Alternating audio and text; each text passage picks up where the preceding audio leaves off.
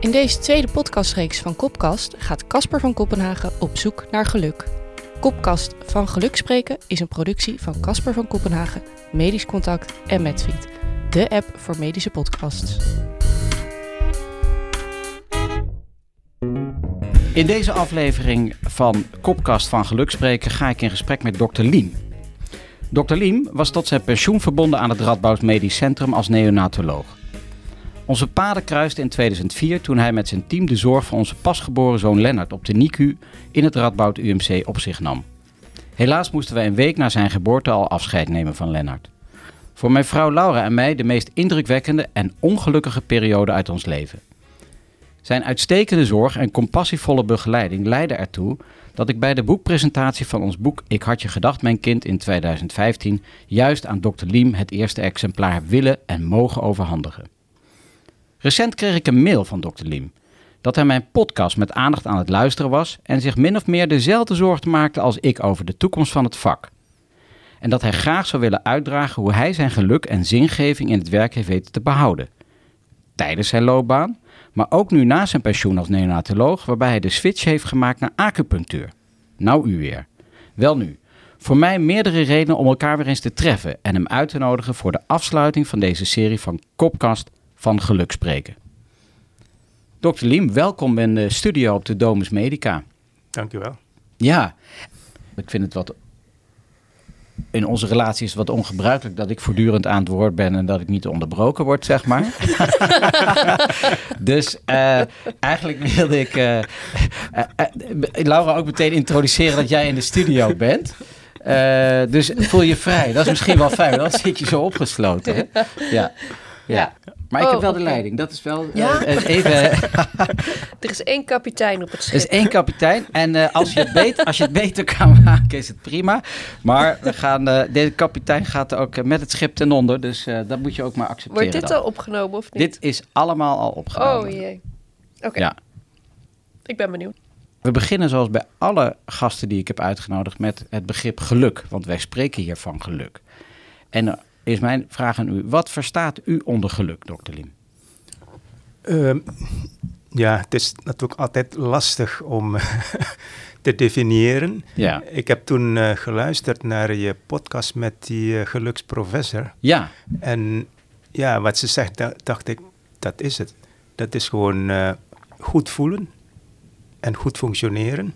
En de voorwaarde om dat ook te doen, dat je ook gezond bent. Dus ook goede gezondheid ook een van de voorwaarden, naar mijn idee, basis van ook uh, gelukkig te zijn.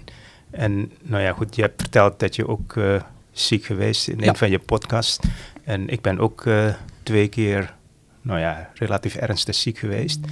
En dan, als je in het ziektebed zit, dan weet je hoe gelukkig is om gezond te zijn. Ja, ja. ja. Ja, je hebt pas door wat je patiënten meemaken als je zelf...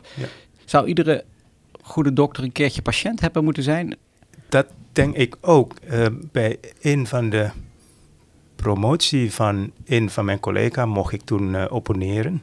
En toen ben ik ingegaan op, uh, op haar stelling over kwaliteit van zorg. Dus ik heb gezegd, is dat misschien een dokter die zelf ooit patiënt is geweest, wordt die dan vanzelfsprekend een goede dokter. Ja, ja. Ja, een goede griep. Hè. Ze, hoeven niet, ze hoeven niet heel ernstig ziek te zijn, al die dokters in Nederland. Maar een goede griep en even niet de trap op kunnen komen en, en pijn te hebben. Ja, we, we zouden het onze collega's misschien gunnen. Ja. Ja. Laura, nu ga ik je toch even verrassen, want uh, je hebt uh, niet al mijn podcast geluisterd, maar wellicht een paar. Het gaat hier over van geluk spreken. De meeste. Ja, en dan heb ik wel een idee wat jij onder geluk verstaat, maar zou je dat willen delen met ons? Ja, dankjewel voor de uitnodiging. Ten eerste dat ik hier ook uh, deze podcast aanwezig mag zijn. Heel speciaal om hier te zijn en deze uh, ervaring met elkaar te delen. Um, en wellicht um, is dat al het antwoord op jouw vraag voor mij, is dat dat vaak een ervaring is. Uh, dat je van geluk kan spreken. Um, voor mij is het geen lange periode in je leven, maar zijn het meer momenten. Um, waarbij gezondheid een, uh, een belangrijke voorwaarde is. Ehm, en ik heb ook ervaren, en dat is eh, wellicht een bruggetje naar later eh, eh, in dit verhaal, is dat zelfs als je in het slechtste moment van je leven bent, je ook nog kleine momenten van geluk kan ervaren. Ja, ja. ja ik, ik denk dat ik namens jou spreek dat wij van geluk mogen spreken dat wij met u vandaag hier aan tafel zitten. Ik noem u Stefans u. U heeft gevraagd om, om u je te noemen, maar het lukt me maar niet. Uh, vindt, u de, vind, vindt u dat erg? Nee hoor. Nee, ja. Jij zegt ook u, hello. Ja, ik zeg ook u, ja. u en dokter Lim. Ja. Het is zo... Uh, uh, ja. ja. Nou, dan heb ik een, beetje de... Dan, we, we doen gewoon zoals het gaat. En misschien zeg ik halverwege je... Um, ik geef ook altijd uh, de cijfer, uh, een, uh, een, cijfer aan de dag. zou u de dag van vandaag kunnen kleuren met een cijfer? Ja, de dag is net begonnen. Ja. dus dat is een beetje moeilijk. Maar gezien de, de omstandigheid wat nu is, ja. vind ik ook wel bijzonder. Ja, ook, ook verwijzen naar het verleden. Ook in mijn functie als arts. Ja, je wil natuurlijk zorgen natuurlijk wil zorgen dat de patiënt beter wordt, maar als dat niet lukt, dan moet je ook zorgen dat de patiënt tevreden is over je zorg. Het feit dat jullie mij toen uitgenodigd hebben voor de presentatie van jullie boek en nu uitgenodigd voor, uh, voor een podcast, dat is gewoon weer een bewijs dat, uh, ja, dat jullie heel tevreden zijn over mijn zorg toen. En dat geeft mij een enorm uh, gevoel van geluk. En hoeveel cijfers zou ik moeten geven? Nou ja, goed, in de buurt van acht of negen. Mooi. Buurt, in de buurt van acht of negen. Ja. Maar dat is geen zeven dus. Nee, zeker niet. nee, dat is ook in de dus, buurt. Ja, zeg maar ja. acht, dus acht, negen. Ja. ja. ja. Lau? Ja, mijn uh, uh, cijfer komt ook. Uh, dan ga ik op 8,5 à 9 zitten, inderdaad. Omdat ik het echt een heel bijzonder moment vind om u op deze manier weer te ontmoeten. En ja, wij ook nog een keer onze dank kunnen uitspreken naar, voor de goede zorg die u en onze zoon toen, toen heeft gegeven. Ja, dat een soort cirkels rond gevoel ja. erbij. Ja. Nou, wat een gelukkige mensen hier bij elkaar. Want ik zit daar natuurlijk ook op. Want ik vind het bijzonder. ik vind het ook bijzonder in de ruimte waar we zitten, in de Domus Medica, waar ik de, in de gelegenheid ben gesteld om, uh, om dit thema uh, ook voor de bühne te brengen. En uh, nou, laten we, er, laten we die 8,5 erin houden, zeg maar, voor, voor vandaag. Um, nou schreef u mij die mail en daar was ik echt door, door verrast en verheugd ook. En um, daar redt u aan uw levensloop dat dat voor een groot deel bepaald is door second best choices. En dat die second best choices niet voor niks second best heten. Dat die opperbest kunnen zijn. Zou u ons eens kunnen meenemen in uw levensloop? Um, ja, goed. Dat is ook naar leiding van je podcast over nou ja, goed, de, de, de hoge incidentie van burn-out uh, mm -hmm. en, en, en, uitval bij jonge artsen. Nou ja, goed, je hebt toen als titel gezegd ik ben gelukkig omdat ik arts ben of zo is. Ja, dus dat... Uh... Nou ja, de, de, oh, ja nou, de, de zoektocht naartoe en dat ja, we zo'n ja. zingevend bestaan eigenlijk hebben. En dat het raar is eigenlijk dat we het niet goed doen als dan mensen met zo'n zingevend werk gaan uitvallen. dan doen we iets niet goed. en wat is dat dan? Ja. Nou ja, goed, uh, voor mij was dat uh, eigenlijk... Ik wist al van de middelbare school dat ik, uh, dat ik dokter wil worden. Ja. En ik heb ook al verteld, het had niet veel gescheeld of dat niet gelukt was. En nou ja, ook door toeval, uiteindelijk kon ik wel geneeskunde studeren aan de destijds Katholieke Universiteit in Nijmegen. Ja. Uit Indonesië. Indonesië ja. was mij niet gelukt. Om... Nee, want u woonde in Indonesië. Ja, ik woonde in Indonesië. Het was toen door omstandigheden niet gelukt om uh, op de medische faculteit te komen. En en toen had ik al gedacht, nou ja, goed, dan moet ik de carrière als arts waarschijnlijk vergeten. Ja. En door toeval is er een kans toen om hier te studeren. Ja. En dat heb ik natuurlijk met beide handen gegrepen. En, en wat was dat toeval? Um, ja, dat is. Uh, ik was geslaagd als de beste leerling van mijn middelbare school. En de directeur van middelbare school is een missionaris, een broeder vanuit katholieke kerk. Ja. En hij, hij was een Nederlander. Dus toen hij hoorde dat het mij niet lukte om geneeskunde te studeren. In, in Jakarta zou Nee, in Surabaya In Surabaya, ja. En toen kwam hij ineens met een aanbod. Nou ja, niet direct aan mij toen, aan mijn ouders. Mijn Ja. ouders die gingen naar hem toe om te zeggen... snapt u het wel dat uw beste leerling niet eh, toegelaten wordt op de medische faculteit? Ja. En toen zei hij, ja, dat is mijn frustratie al jaren... dat dat nooit gelukt is. Dat mijn beste leerlingen worden aangenomen in medische Mhm. faculteit. Hoe en waarom snapt hij ook niet. Nee. Maar toen kwam hij ineens met de vraag... zou uw zoon in Nederland willen gaan studeren? Ja. Nou, mijn ouders wisten niet wat ze hoorden. En toen kwamen ze thuis bij mij. Ik was 18. Zou je in Nederland willen gaan studeren? Ja. Nou, als een naïeve jongen Ja. die een bepaald ideaal heeft. Ja. Nou ja, voor mij op dat moment kan men niet verschillen. Als het aan het einde van de wereld is, Ja. dat wil ik. Ja. Ja, Ja. ja. Ja. Dus mijn antwoord was zonder na te denken, is meteen ja. En in welk jaar schrijven we dit? U was 18? Eh, 1970. 1970. Ja. Ja. ja. Toen was er al wel een hele eh, eh, gemeenschap eh, in Nederland van Indonesische mensen. Dus het was niet ongebruikelijk, maar Ja, ook, ook mondjesmaat. Ja, dat is niet, niet massaal. nee, zo, niet ja. massaal. Ja. Nee. En toen heeft u het vliegtuig gepakt. Of nou de ja, boot. voordat dat zover was, dat, Oh. dat kost natuurlijk de nodige moeite. Je moet eerst natuurlijk eh, gaan inschrijven aan de faculteit. Daarna toestemming van het ministerie van Onderwijs. Daarna toestemming van het ministerie van Justitie. Nou, de hele circus heeft ongeveer anderhalf jaar geduurd. Aha. Dus voordat ik hier uiteindelijk kwam. Nadat de toestemming van de faculteit is, heeft nog een anderhalf, anderhalf Ja. jaar geduurd. En toen bent u naar Nijmegen gegaan. Ja, Ja. ja. En, en hoe woonde u toen? Nou, in Weet het u dat nog? Ja, in het begin werd ik toen eh, opgevangen door de kennis van mijn ouders, die vroeger ook in, in Surabaya hebben gewoond, in Utrecht. Nou ja, toen was op zoek naar kamers Ja. in Nijmegen. En eh, ja, toen, eh toen studiejaar begonnen was, toen woonde ik op kamer bij een hospita in Nijmegen. Ja. En had u een steunfonds waar u gebruik van kon maken? Of Nee, had, had- nee, hadden dat, uw eh, ouders alles bij elkaar geschraapt? Ja, ja, ja. Aha. Dus dat heeft mijn vader toen uit eh, eigen zak eh, Ja. moeten betalen. Ik, ik heb geen enkele studiebeurs en ook als buitenlander heb ik geen enkele recht op studiefinanciering. En, en die studie bent u doorgerold? Of eh, schets ik dat wat eh, te kort door de bocht? Nou ja, het, Want u was de beste van de klas. Was u dat? ja, dat was op middelbare school, Ja. maar op de faculteit. Ja. Er zijn zoveel van die goede mensen. Hè? Ja, Ja, ja, ja, ja. Ehm, nou ja, goed, dat is natuurlijk allereerst natuurlijk eh, de cultuurshock wat je hier Ja. tegenkomt. Mhm. Dan moet je een beetje wennen aan de manier van leven hier. Ja. De taal. Ondanks dat ik anderhalf jaar eh, goede voorbereiding heb gehad om de taal te leren, Ja. kom je hier, dan denk ik, Waar hebben Ik- ze het over? Ja, Ik, ik versta dat niet eh, zo goed. Nee. Eh, je praat hier natuurlijk op een andere manier dan de mensen in Indonesië Nederlands gaan praten. Ze Ja. praten hetzelfde accent als ik. ja, ja. ja. jullie praten accent. natuurlijk een heel andere Ja, we hebben ook accent. Ja. ja. Dus de, dat was aanvankelijk een beetje moeite. Nou, gelukkig natuurlijk dat geneeskunde grotendeels een exacte vakken zijn. Dus met bepaalde terminologie, Ja. dat is nog redelijk goed te volgen.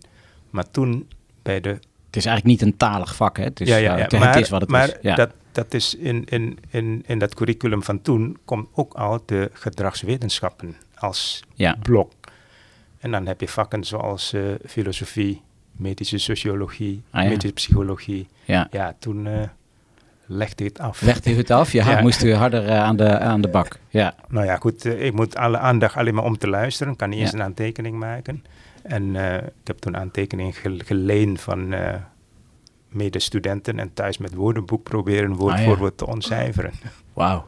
Ja. Ja. Dus wel een extra effort moeten leveren, zeg maar. Ja. Nou ja, goed, als later, toen de, op, de, op de derde jaar of zo is, ja, toen was het wat anders. Dan ben ik al gewend, Ja. dan kon ik wat beter volgen. Maar toen meteen vers op Ja. de eerste semester al, Ja. ja. dat was eh, heel lastig. Tropenjaren dus. He- Ja. Heeft u wel nog een beetje kunnen genieten, zoals wij dat in Nederlanders dan zeggen, van de studententijd? Of was het vooral hard werken? Ja, ik vind nog steeds dat, eh, dat de studententijd is een van je Mooiste. mooiste leven, van, eh, het mooiste tijd van je leven eigenlijk. Ja. En ik heb nog even, even u zei van het, werd, het was natuurlijk ook een cultuurschok toen u hier in Nederland kwam.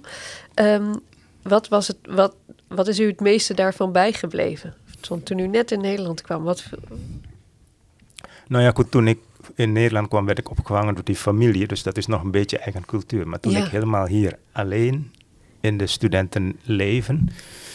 Ja, ik, ehm, de, de directheid van de Nederlanders. Kijk, wij van het oosten zijn bescheiden, een beetje introvert. En hier, heel Ja. veel mensen zijn extravert. En, en die gaat eh, veel direct. En daar heb ik in het begin een beetje moeite mee. En nu niet meer. Nu niet meer? Ja. Ben al gewend. ja, u bent er al even. Nou ja, het kan nog steeds zijn dat het u af en toe tegen de borst stuit hoe Ja, direct ja, wij zijn. ja. Als Ja. het te direct is, dat, dat klopt. Zie je nu ook in de politiek, dat Ja. dat een beetje doorslaat. Ja, Ja. ja. Ja. We moeten toch eh, omwille van de tijd een, een hinkstapsprong maken. Want u komt aan het einde van uw studie. En wist u toen wat u wilde worden? Ja, na, na de doctoraal toen eh, had ik een idee van wat ik zou gaan doen. Ja, dus dat, de meeste studiegenoten die wilden huisarts worden, maar Mhm. toen zag ik zelf niet een, een rol voor mij in dat vak. Ik wil graag eh, ja, specialiseren. En de eerste keus was eigenlijk eh, chirurgie. Ja, En eh, heb ik ook alle moeite gedaan om dat, eh, om dat eh, te bereiken. Ik heb een hele goede eh, chirurgie in Enschede gelopen. En dat maakt alleen maar dat de wens om dat te doen groter. nog ja. groter. Ja, Alleen de desillusie kwam tegen, nou ja, goed, toen een andere situatie dan nu. Hè. Je hebt toen niet een aanjoschap. Nee. Ja, en als je klaar bent moet je gaan solliciteren voor opleiding. direct voor de opleiding was het Ja, toen. ja Aha. dus al Ja. een half jaar voor einde van mijn studie ging ik eh, overal solliciteren bij de opleidingsplaatsen. Nou, ik weet niet precies, heb ik 10, 15 sollicitatiebrieven. En allemaal zeggen ze, sorry, we hebben geen plek. Aha. En toen dacht ik, ja, wat nu? Ja, wat nu? En ehm, eh, ja, wachten is voor mij geen optie, want ja, waarom moet je dan wachten? Dus toen dacht ik, ja, dan moet ik nu toch maar aan, Aan de slag. aan de tweede Ja. keuze Ja. gaan Ja. denken. Ja, En de tweede keuze was kindergeneeskunde. Ik vond wel op zich wel een leuk vak, alleen ik had toen een hele slechte kooschap gelopen. Dus Oh dat was een beetje de twijfel toen eigenlijk, zou ik dat willen doen of niet? Maar toch heb ik uiteindelijk gekozen, nou, dat ga ik nu inzetten. En ja, toeval of niet, de eerste sollicitatie was meteen raak. Oh, Daar werd ik toen meteen aangenomen door professor Skretlen, de, de, de opleider. en waar was dat? In Nijmegen. In Radboud, Nijmegen. ja. Nou, nou, die kende u of kende u Nee, nee, nee. Dus gewoon- ik, ik, heb mijn, ik, heb, ik mijn kooschap niet in Nijmegen Nee, gelopen. Dus, nee. eh, dus ik heb toen gewoon puur gesolliciteerd Ja. naar hem. En toen werd ik uitgenodigd. Ik weet nog, eh, die goede man die werkt altijd eh, op zaterdag. Ja. Dus de- de- een soort sol- kennismaking, gesprek in Zo ging dat vroeger. Toen was op een zaterdagochtend op zijn, op zijn kan- kantoor. Ja. Dus eh, nou, we hebben nou ja, bijna de hele ochtend gesproken. Dus dat Oh was, ja? Oh. dat was eh, heel gezellig. En, eh, Ja, en toen eh, zei hij, nou goed, eh, ik hou dit in portefeuille. Ik, eh, je hoort wel eh, of wij jou aannemen of niet. ja. En nou, een paar weken later werd ik ineens gebeld door zijn eh, beheerder, tegenwoordig heet dat manager, ja. of ik nog beschikbaar was na mijn Ja. asexamen. En u zei, nou, waarom? morgen. Oh, daar is een plek vrij. Oh, natuurlijk. Ja, ja. Zo ben ik ingerold. Ja, en eh, dus uw eerste keuze was chirurgie. Het werd kindergeneeskunde. Ja. Maar u noemt dat uw eh, second best. In de zin van, het was heel best. Nou ja, goed, laat ik zo zeggen. Ehm, heel veel mensen vinden de tweede keuze een slechte keuze is. Mhm. Maar nu in mijn ervaring, het is maar hoe je daar tegenaan kijkt. Dus daarom, ik zeg dat, je tweede keuze is eigenlijk de second best. Ja, Niet de eerste de beste, maar de tweede toch nog de beste dan de rest. ja, ja. Dus Ja. ja, als je maar erin gelooft dat je daar ook eh, eh, ja, iets kan bereiken in dat vak, dan kan het wel. Dus Ja. dat heb ik ook bewezen. Ja. Dat ondanks dat mijn tweede keuze is, kan ik ook best excelleren. ja. En eh naar ik heb begrepen is dat ook voor de, zeg maar, de, de, ja, de, het, uw specialisme. U wilde iets anders worden dan neonatoloog. Ja, ja. Ehm, halverwege mijn opleiding tot kinderarts, ja ook weer door toeval, werd ik toen eh, betrokken in het eh, opzetten van de diagnostiek met de H2-ademtest. En dat Ja. is iets met, eh, Oh. met hoe noem je dat, eh lactose-deficiëntie, lactase-deficiëntie en malabsorptie en zo. Ja. Dus toen ben ik een beetje geïnteresseerd in die, in die maag-darm-leverziekte. En Nijmegen had toen nog geen kinder-MDL.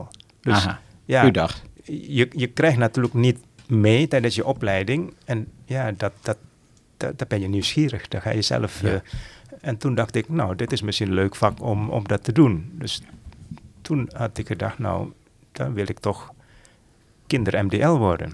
Ja. Maar in Nederland was toen allemaal één opleidingplek, dat was in Groningen. Aha. Dus toen, nou ja, laat ik zo zeggen, dus aan het einde van mijn opleiding heb ik ineens een aantal mogelijkheden, laat ik zo zeggen. Dus, nou één, zelf solliciteren naar Groningen. Ik kreeg toen een aanbod om één jaar als kinderarts te werken op de neuropediatrie, heet dat toen. Omdat een van de stafleden ging met eh, verlof voor eh, promotie Ja. dan mocht ik hem voor een jaar vervangen. Ik vond aan de eer dat ik gevraagd werd tussen al die andere Ja, assistenten. ja. ja.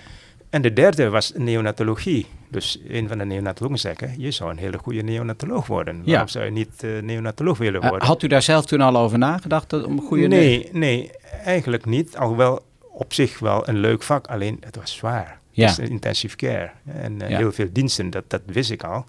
Dus vraag, ja, het is een leuk vak, maar Ja. kan ik, kan ik fysiek wel aan? Ja. Ja. ja, en wil ik zo eh, Ja, ja. way of life hebben? Ja, ja, ja. Ja. En, en neurologie, nou ja, is ook leuk en aardig. Alleen, ja, mijn frustratie is daar, je kunt die patiënten niet genezen. Aha. Ja, je zit in revalidatie Ja. met jezelf. hè. Wij Dus kunnen ze ook niet genezen. We, we kunnen ze wel, genezen, ja, ja, we je kunnen ze wel troosten en begeleiden. Ja, Ja, ja. Dus Ja. daar, daar, Maar dat was uw frustratie op dat moment. nou ja. goed, dat is de, de, de, de, de andere kant van de, Ja. van, de, van de weegschaal om wel of niet Ja. te kiezen, laat ik Ja. zo zeggen. Dus, Ja. dat, dus toen heb ik maar gekozen, nou ik ga eerst gewoon op het eerste paard wedden. Dus Ja. solliciteren voor eh, MDL. Nou helaas werd ik niet aangenomen. Nee. En toen, eh, toen dacht ik, nou ja, ga maar neonatologie. En toen hebben ze toch iemand anders aangenomen. Dus uiteindelijk ook misschien een soort negatieve keuze. Blijft alleen maar de neurologie over. Voor u. Ja. Ja. dus toen heb ik maar aangenomen, ook met de belofte van neonatologie, dat over een jaar weer een nieuwe vacature, dat ik dan niet meer zonder sollicitatieprocedure meteen word aangenomen. Dus ik werd als het ware geparkeerd op de Ja. neurologie voor één jaar, om vervolgens door te stromen naar neonatologie. En achteraf is, nou ja, goed, het is geen slechte stap is geweest, want ook in het kader van eh, jullie zoon, Ja. dan is ook neurologie binnen neonatologie ook mijn aandachtsgebied geworden. Ja, ja, ja. Ja. Want u bent toen in de neonatologie verzeild geraakt. En, Ja. en dat is maar goed ook, vinden wij. Want anders Ja. hadden we hier niet gezeten. Ja. Hè, daar heeft u uw weg gevonden en, Ja, uw, eh, ja, en uw ja. geluk. Ja. En eh, ik wilde eh, toch een enorme hinkstapsprong maken. Want u, u bent eh, meerdere keer gelouterd en gelauwerd geweest voor uw carrière, voor uw loopbaan. Ehm, eh, en je werkt niet voor niks zo lang in het Radboud, dan hoor je tot, tot de top. En toen kwam uw pensioen in beeld. En toen heeft u een switch gemaakt naar de acupunctuur. En even dat beeld wat ik dan voor me heb van u o- lopend over de, over de NICU. Met van die kleine babytjes met wel eh, 10 slangen en 28 eh, infusen en, eh, en pompen met morfine. En nou, nou niet, met, met, hè, met allerlei moeilijke spullen. En dan de stap naar de acupunctuur. Kunt u ons meenemen in, in uw overwegingen en hoe dat tot stand is Ja. gekomen? Nou ja, goed, dat is toen ik ongeveer eh, tegen de 60 aanliep. Toen ging iedereen in mijn omgeving vragen, wat ga je doen na je pensioen? Pensioen Ja. was toen 65 nog. Als u er zelf nog niet aan toe was, dan ging Ja. uw omgeving daar wel. Ja, ja, ja. Ik heb Ken toen eigenlijk eerlijk gezegd nog niet over nagedacht. En toen die vragen kwamen, toen dacht ik, nou ja, misschien is het goed om over na te denken. En ehm, ja, ik kom snel tot conclusie, nou, achter geranium zitten zie ik niet zo zitten. En wat zou ik nou kunnen doen? En ja, helaas ook door het drukke werk heb je eigenlijk nooit een echte hobby kunnen ontwikkelen. Je doet altijd iets en dan laat je weer liggen. Dus, ehm, Ja, u was ja, volledig met uw aan Ja, uw ja, werk ja, ja. verbonden. En de vraag Was, u, was uw werk uw hobby eigenlijk? eigenlijk niet specifiek. Nee, maar was uw werk uw hobby? ja, ja, ja. Ja, ja, ja, Ja. Ja, we hebben u die week meegemaakt. En Ja. ik, kan me niet herinneren dat ik u niet gezien heb die week. Het leek alsof u eh, daar woonde, daar in het Radboud. ja, ja. Ja, maar, Nou ja, goed. ehm, omdat ik arts ben, denk ik, ik zoek gewoon in de hoek dat je nog steeds naar je pensioen als arts zou kunnen werken. Nou, als neonatoloog is uitgesloten. ja. Je kunt nergens terecht. eh, Nee. En sowieso, eh, geen enkele NICU wil een, eh, een bejaarde neonatoloog. Een Want die- bejaarde. Nou, die- Want die, die, ja. die, die, die, die kon geen dienst meer doen of die, Nee. die, die, die Nee. mocht geen dienst meer doen. Dus dat is voor de rest natuurlijk een enorme belasting, snap ik ook wel. Eh, maar goed, eh, eh, CAO arbeid technisch is niet mogelijk. Hè, want Mhm. de NICU's zijn allemaal in het ziekenhuis in Mhm. dienstverband. Dus dat is eh, CAO technisch onmogelijk. En, ehm, en de belangstelling op acupunctuur had ik al heel lang. Alleen nooit de kans gehad om daar echt te verdiepen. Ja, je kent het wel, je hebt eh, zware studie, dan een specialisatie, dan een superspecialisatie, promotie. eh, dat heb je zelf ook Ja, allemaal achter, ja, ja. meegemaakt.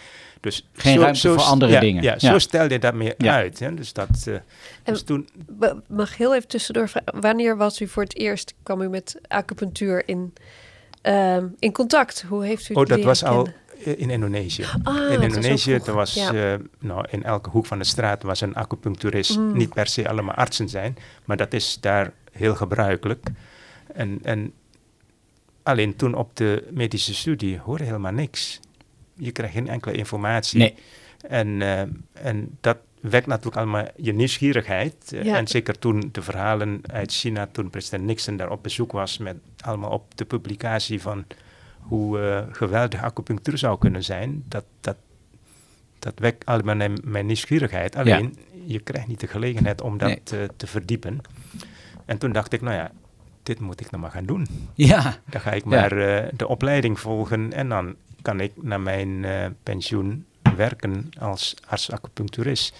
Niet als bron van inkomsten, maar gewoon als hobby. Ja, als, als- als, toch als- die hobby dan. ja, Ja, Als, als, eh, nou ja, Ja. ook als activiteit. En dan kan ik, ja, kan ik mijn ervaring, zeg maar, meer dan 35 jaar ervaring als arts, dit als bagage meenemen. Weliswaar een andere vakgebied, Ja. maar het wezen zijn of het functioneren als arts, die heb ik al in mij. Ja, want is het zo, hè? eh, want we kunnen honderden vragen daarover stellen, maar is het in wezen, is de kern van uw werk wat u nu doet als acupuncturist, want u bent nu, eh, heeft een opleiding gevolgd, u bent gevestigd acupuncturist, arts, Ja. acupuncturist, hè? Dat, dat, dat onderscheid wilde u ook duidelijk maken.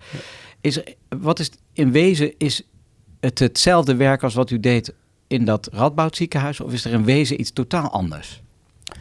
de, de, in wezen hetzelfde. Ja. Ehm, iemand heeft een klacht of een gezondheidsprobleem Ja, en die komt om hulp vragen. Natuurlijk, op de neonatologie is een neonaat die in Ja. de problemen komt. Hier zijn nou ja, vooral volwassenen, mijn patiënten, die hebben een bepaalde klacht. En ja, dan is het, die komt bij mij voor hulp en dat is gewoon mijn taak als arts om dat zoveel mogelijk te helpen. Dat, dat ze nou ja, het liefst genezen worden van, eh, van, eh, van, eh, van de ziekte. ja. Maar in ieder geval, eh, wat, wat je met acupunctuur zou kunnen doen om de levenskwaliteit van die mensen te verbeteren. En dat is natuurlijk, eh, nou ja, levenskwaliteit is onderdeel van geluk. Ja, zeker. Ja, he- het, belangrijkste. Ja, ja. En En ook weer vergelijkbaar met de neonatologie, Ja, is levenskwaliteit. ja. ja. Ja, Op het oog zeg, zeg je dan, eh, zeg ik dan, van u, u was verantwoordelijk voor zieke en kwetsbare Ja, baby's. ja, eh, En nu komen er volwassen mensen uw spreekkamer ja, binnengewandeld. ja, ja, Hoe ja. is dat dan? Dus in het begin inderdaad even wennen. Ja, Ehm, hey, die zijn lang. ja, ja. Die zeggen veel. Ja. En nou ja, een andere voordeel, volwassenen kunnen vertellen Ja, wat, wat ze mankeren. En die baby's niet. nee, dat heeft... Dan moet je ja. gewoon een beetje raden. Ja, raden, ja, ja, en monitoren. Ja. De- het gros, hè? Wat voor soort mensen komen bij u langs? Nou ja, goed. eh, kijk, Met welke klachten? Ja, acupunctuur is vooral bekend voor pijnbestrijding. Dus Ja. daar allerlei soorten pijn. Hè? Dus van, eh, van eh, hoofdpijn, schouderpijn, kniepijn. Nou ja, met name in de vergrijzing, de artrose. Ja, Ehm, maar ook neuropathische pijn ja, van, Ja. van een herpes zoster. Dus dat is de belangrijkste indicatie voor acupunctuur. En daarnaast, wat ik met je meegemaakt heb, is eh, ja, op dit moment is mijn belangstelling vooral gericht voor patiënten met die zogenaamde long covid. ja. Ah, En- ja. En dat zijn er ik- nogal wat. Ja, Nou ja, in Nederland heel, heel veel wat, maar ik heb nu vier of vijf eh, cliënten met die klacht. En ik moet zeggen dat, eh, dat ze toch baat bij hebben met, met acupunctuur. Een andere... En waar richt u zich dan op? Want de, nou goed, de, belangrijkste klacht van deze mensen zijn vooral vermoeidheid. Vermoeidheid, ja, vermoeidheid. Soms ook wat pijnen, maar Ja. de, de, de gros is vooral de vermoeidheid. Ja. En, en ja, daar vinden ze geen, eh, ja, ik, misschien een zwaar woord, geen gehoor Nee. binnen regulieren. Of ze mensen regulieren kan geen We hebben de sleutel oplossing, nog... Nee, geen dus- oplossing bieden.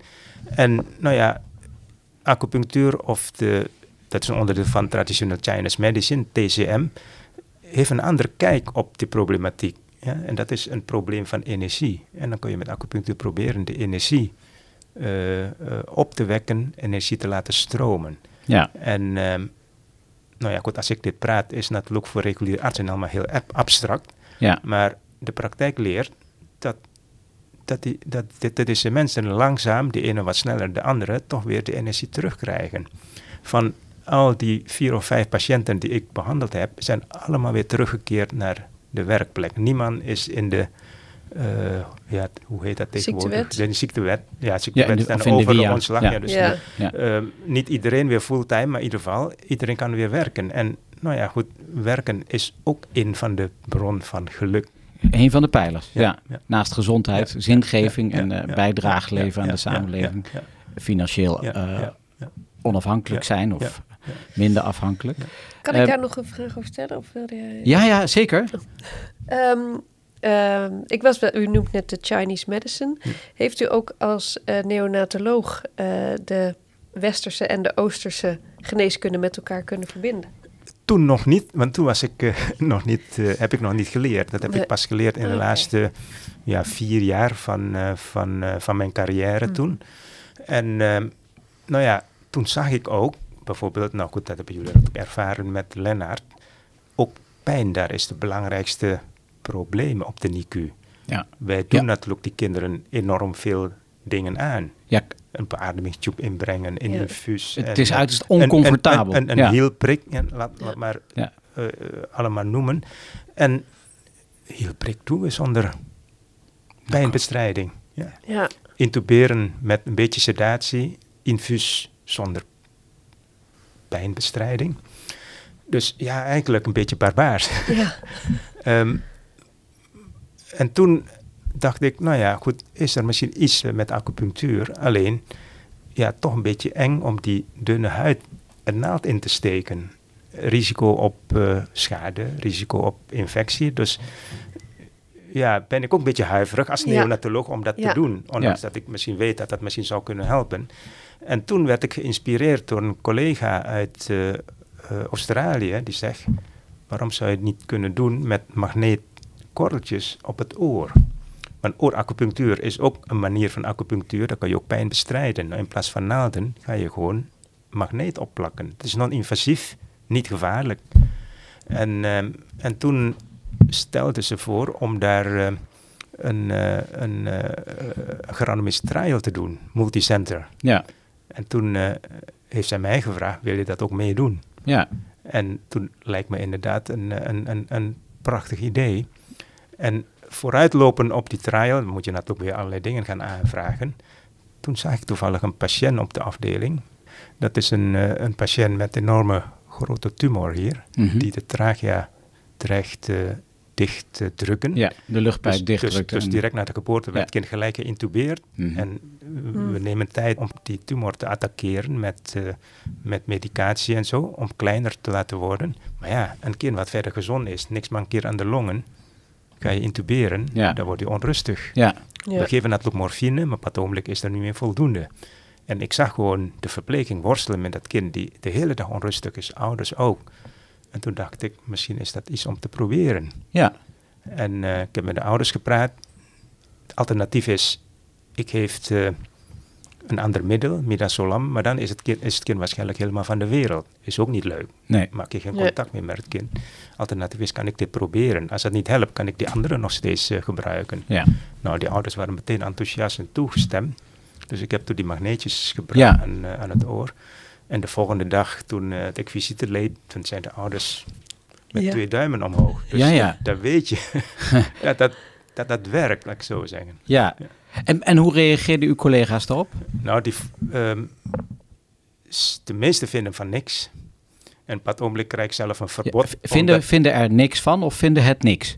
vind- nee, vinden ze dat, dat, dat ik niet mag doen omdat het nog niet bewezen Ja, is. ja, ja, ja. Dus, Waar is de evidence, collega? Ja, ja, Ehm, maar de En- essentie voor ons, in ieder geval, om eh, mee te nemen, is dat er heel veel raakvlakken zijn, maar dat de essentie, het gaat om energie en eh, energie Ja. toevoegen, energie herstellen. Ja.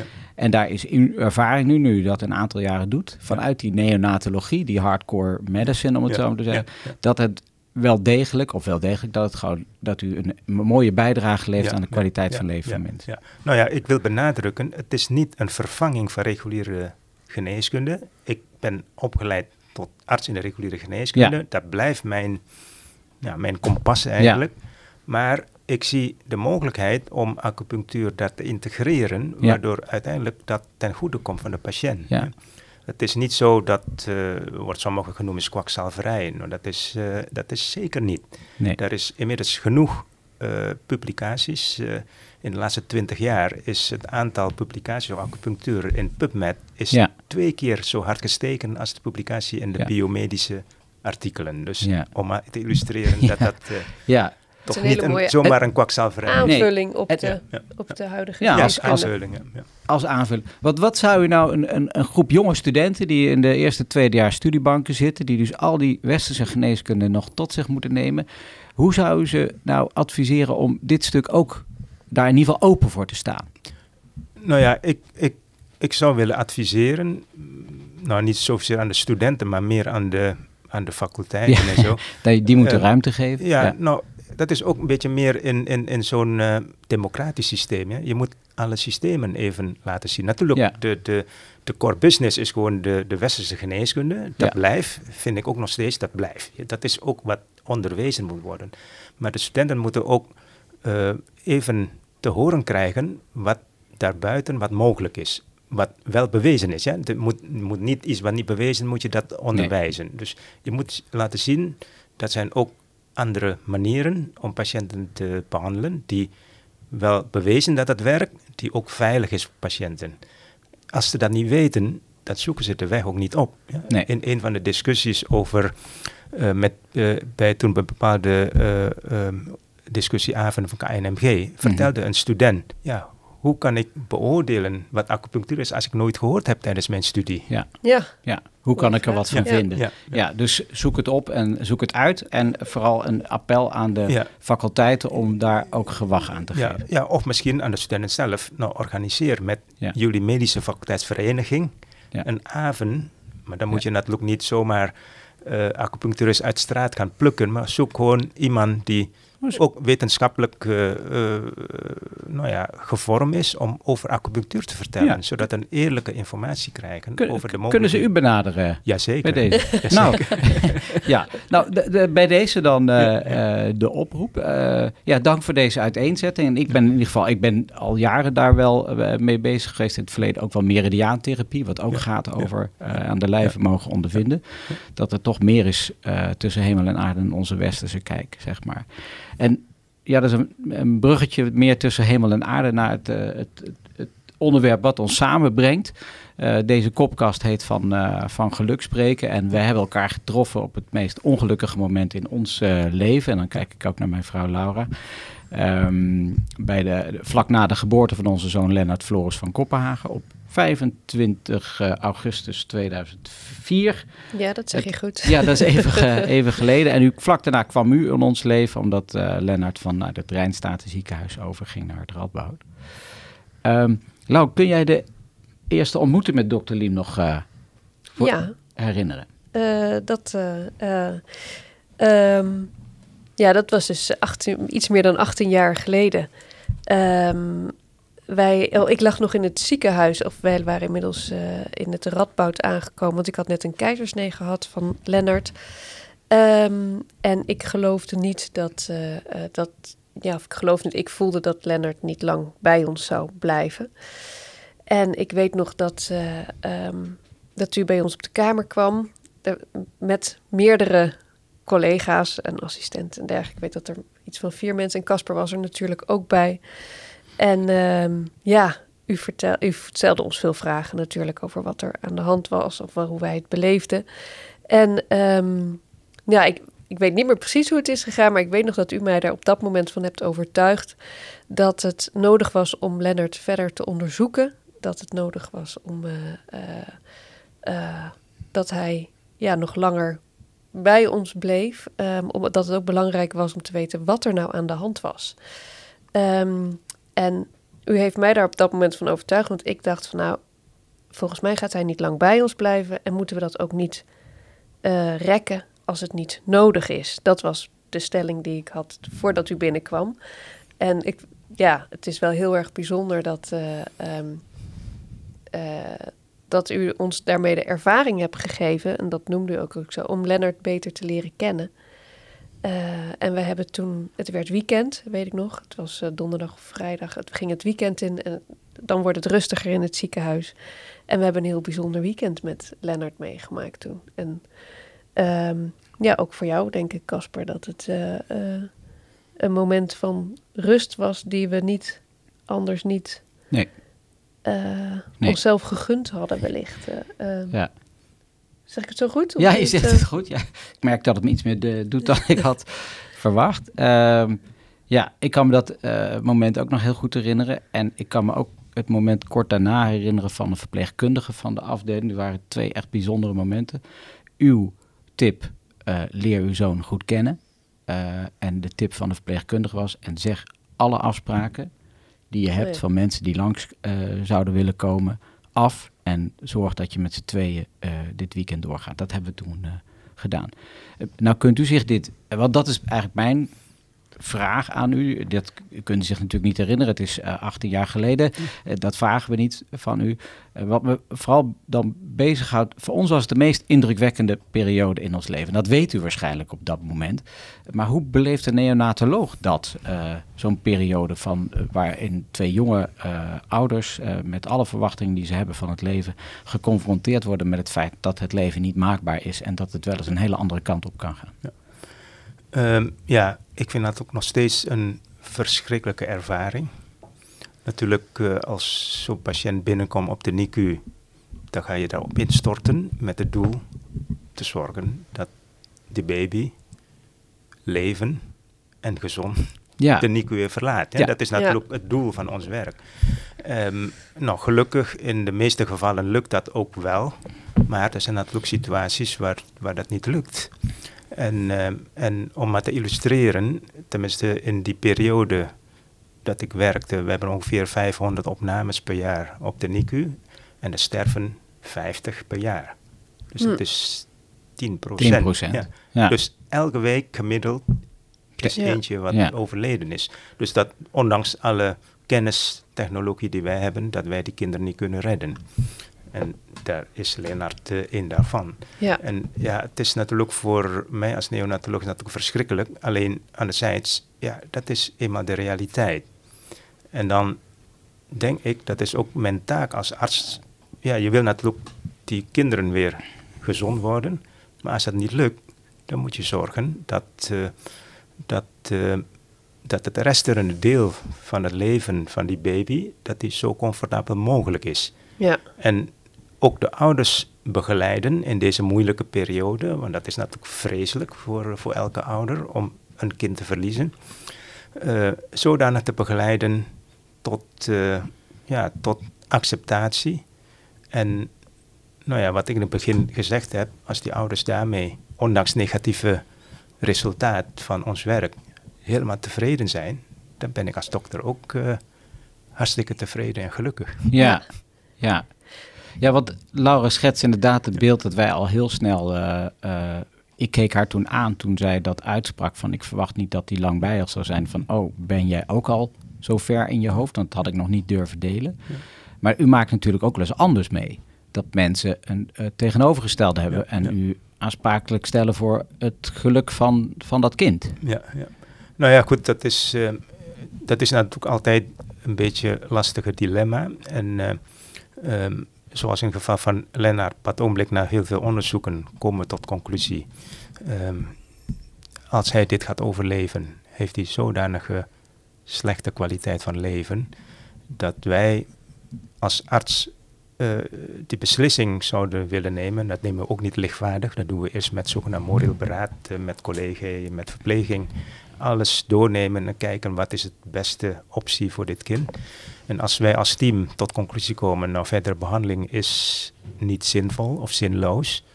Ja, dan moet je, hoe moet je dat nou met de ouders bespreken? Ja. Uh, dat, nou ja, goed, zeker in het begin heb ik altijd een beetje huiver om dat te doen. Uh, hoe kan ik dat nou vertellen? Ja. ja. Maar goed, uh, tegen die tijd, toen Lennart geboren was, had ik natuurlijk al een aantal jaren ervaring. Dus dat was minder zwaar, laat ik zo zeggen. Het blijft natuurlijk, ja, met, uh, hoe noem je dat? Licht zal met, het niet worden. Met, met nee. zwarte schoenen loop ik ja. naar de ouders toe. Ja. Dat, is, dat blijft altijd, ook in de laatste jaar van mijn carrière.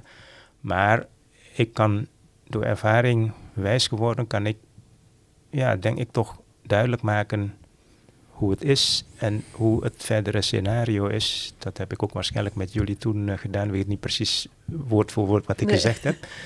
Um, maar dat is denk ik in dat de kunst om dat zodanig te brengen dat, dat je de ouders ook in de richting van je gedachten mee kan brengen. Natuurlijk komt wel eens voor dat de ouders uh, dat niet wil, door welke reden dan ook, religieuze redenen, ja cognitieve redenen dat ze dan niet willen geloven.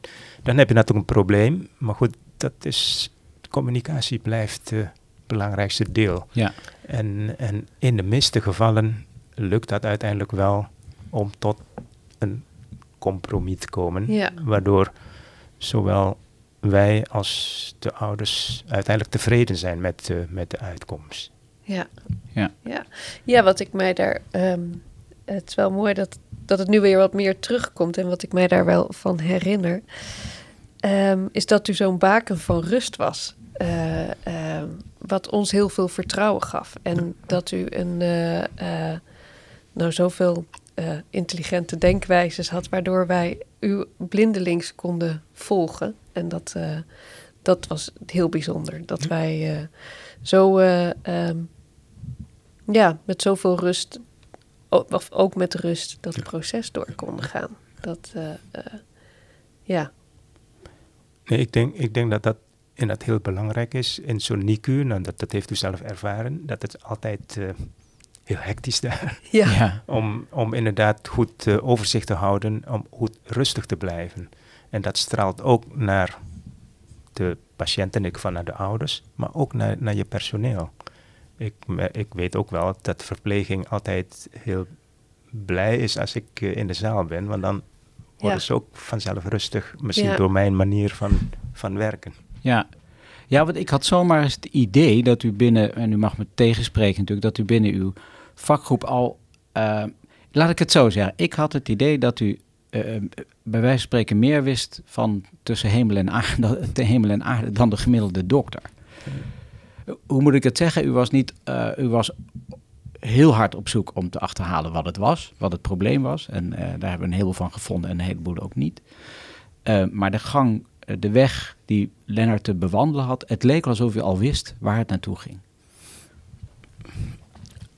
Ja, waarschijnlijk ook wel. Dus al meteen de dag één dat ja. bij ons kwam. Want toen zag ik natuurlijk dat heel veel dingen ja, vele al, al niet, niet uh, met aangeboren afwijkingen.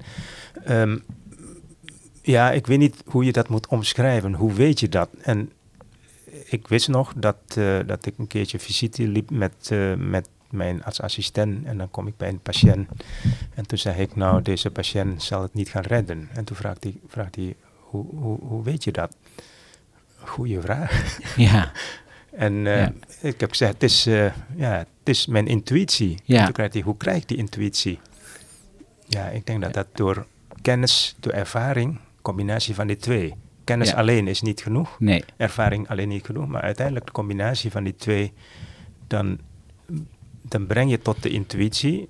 Het kan wel eens dat, dat de intuïtie je in de steek laat, maar ja, in mijn ervaring tot nog toe heb ik vaak, uh, nou ja, wel die, die goede intuïtie kunnen vinden, die ook de werkelijkheid is, ik zo ja. zeggen. Ja. En ik, ik, oh, nou, om, om voorbeeld, ja. ik was toen een keer ook bij een patiënt waarvan ik dacht, die moet geopereerd worden. Maar een chirurg die weifelt om te opereren. Nou, een lange discussie, waarom argumenten en dit en dit. Uiteindelijk zegt hij, ehm, als je dat zo vindt, ik vertrouw op jouw visie, dan gaan we opereren. En ik oh jee, als het Oh jee. verkeerd is, dan... Ja, Nou, uiteindelijk had ik wel gelijk. Oké. Dus dat was Ja. iets wat te opereren Ja. is. Ja, u noemt, ehm, of je, of u, eh, noemt eh, kennis en ervaring. Maar volgens mij mag je er ook eh, gevoel aan toevoegen. Ja. Dat is Zeker, wel- maar ja goed, dat is ook... Intuïtie is gevoel, hè? dus je Ja. vraagt als assistent, Ja. hoe krijg ik Ja. die intuïtie? Maar dat is ook Maar volgens mij maakt dat een goede... gevoed door ja. ervaring. maar gaf u een bevredigend antwoord voor hem? Of zeiden ja, dat- Dat weet ik niet, ik heb niet gevraagd, maar wa- waarschijnlijk is die artsassistent nu op het niveau of op de eh, eh, fase in zijn loopbaan dat hij snapt wat ja, hij bedoelt. Ja, ja, Ja. zeker. Ja, ik Ja. moet denken aan eh, een moment tijdens die week dat we, we met u hadden afgesproken. Lennart moet het vooral comfortabel hebben in de tijd die hij heeft. En dat we toen s'avonds bij eh, op de afdeling waren en dat er een jonge assistent nog eh, vol eh, passie en we gaan iedereen hier beter maken. En dat we een discussie hadden over. Ik, ik vond hem oncomfortabel. Ik zei, we hebben afgesproken met dokter Liem dat hij dan wat meer sederende medicatie kan krijgen. En dat die jonge assistent zei, ja, dat moeten we maar niet doen, want voor je het weet wennen ze eraan. Hè? En straks raakt hij verslaafd aan de morfine, zoiets. En dat ik hem aankeek, zei, beste jongeman, deze jongen gaat hier niet lang meer zijn. Eh, eh, verslaafd raken aan iets eh, waar hij zich beter bij voelt, is niet een, een, een plek. En toen realiseerde ik me van, ja, dat is natuurlijk logisch dat hij zo denkt. Zo is hij opgeleid, maar dat is dan het verschil tussen intuïtie en, en, en, en, en kennis. Ehm, ik wilde ehm, een stukje uit ons boek voorlezen. Ehm, dat gaat ook over u. en dat gaat over de, over de dag. En ik ga hem even helemaal eh, voorlezen. Eh, want ik heb geen blog geschreven voor deze keer. Want tenslotte had ik al eens een boek over geschreven over dit, eh, over dit onderwerp. En dat komt dus uit het boek Ik had je gedacht, mijn kind. Uitgebracht door uitgeverij Klapwijk en Keizers van de Vrije Uitgevers. Ik moest even zoeken. Gerard Keizers. Hoofdstuk Sint Radboud, oktober. En we spreken 2004. We hebben een afspraak met dokter Liem in het Sint Radboud ziekenhuis over de uitslagen van de obductie. Laura haalt me op van het werk. Ik voel me vandaag ellendig, alsof iemand mijn hoofd uitperst. Het Sint Radboud ziekenhuis staat voor de dood van mijn zoon. Dit gebouw brengt ons terug naar een periode vol verdriet en pijn. Er gaat geen dag voorbij zonder dat ik eraan terugdenk. Hoewel het me elke dag opnieuw verdrietig stemt, kan ik tegelijkertijd hartstochtelijk terugverlangen naar die ene week. Toen was hij er tenminste nog, in zijn bedje. Toen konden we naar Lennart toe, hem opzoeken, aanraken en voelen. Met al die goede zorg om hem heen. De verpleegkundigen waren op dat moment de liefste en belangrijkste mensen in ons leven. Ik realiseer me dat vandaag pas echt goed. We lopen door de hal. Shit, daar heb je Rempel die olifant weer. Was ik helemaal vergeten. Ik voel irritatie opkomen. Rot op met die olifant. Welke grappenmaker is ooit op het idee gekomen om hier zoiets neer te zetten? Laat ze de olifantenziekte hier krijgen met z'n allen. We rennen haast door de hal en slaan linksaf, die verschrikkelijke koude, kale, gure gang in. Langzaam lopen we verder in het leven van Lennart. Iedere stap brengt hem dichterbij. Hier heeft hij bestaan. Hier kennen ze hem. Rechtsaf naar de Niku. Nee, hij is er niet, maar te- tegelijkertijd is hij alomtegenwoordig. In de hoek van de gang, in de vensterbank, achter elke deur. Kijk, Lau, daar heb je zuster Laura, onze favoriet. Ik wil haar wel omhelzen, maar houd me in. Het contact is direct warm. Dat verbaast me eigenlijk. Er zullen toch meer Lennarts op deze wereld zijn, zou je zeggen. Maar jullie waren speciaal, zegt zuster Laura tegen ons. Weer kan ik haar wel om de hals vliegen. Onze dankbrief met een symbolisch cadeau is kennelijk goed gevallen. Dr. Liem neemt ons mee naar een klein kamertje met een lelijke TL-verlichting in de krochten van het Sint-Radboud. De ruimte is volgestouwd met boeken en tijdschriften. Zijn bureau bezaaid met statussen en papierwerk. Dr. Liem neemt alle tijd. Er wordt nog bloed afgenomen bij ons beiden. Dat doet hij zelf. In totaal zijn we bijna twee uur bij hem binnen. Hij blijkt een vrije middag te hebben, zegt hij. Kennelijk is het allemaal toch niet alledaags geweest. Dat vermoeden hadden we al, maar nu weten we het zeker. Hier in dit grauwe oude ziekenhuis heeft Lennart Floris van Kopenhagen bestaan. En hoe? Kijk maar naar zijn medische status. Zijn naam staat erop, zijn geboortekaartje zit erin en zijn status is dikker dan die van mij, dat is zeker. Gek genoeg vervult het ons tegelijkertijd met trots. Zo krijgt een op voorhand treurige middag een onverwachte glans. We voelen hem dicht bij ons. Moeten we vaker doen, dit soort middagen. Dat Lennart onderwerp van het gesprek is en we hem volop kunnen koesteren. Hem aan de borst kunnen drukken, dichtbij. Zo zou ons leven moeten zijn. Dat schreef ik dus in het boek uh, ja. wat we uitgebracht hebben. Uh, wij vonden dat een indrukwekkende uh, ontmoeting wederom met u, dat u zoveel tijd nam en, en ons, ja, wat de strekking van dit verhaal is, en realiseerde dat die week voor ons de rest van ons leven moesten koesteren. Want dat is wat we gekregen hebben. Ja. En, en dat doen we ook. Um, Laura, had je nog een vraag voor dokter? Um, hoe is het voor u om dit terug te horen? Um, nou ja, goed. Uh, ik zeg nogmaals, jullie zijn toch bijzondere ouders. Als, nou, ik heb natuurlijk uh, honderden, misschien duizenden ouders gezien. Er zijn natuurlijk een paar die in je ja. herinnering uh, zijn gebleven. En jullie zijn zeker één daarvan. En zeker met de vervolg daarna, met die presentatie van het boek en recente contacten en zo.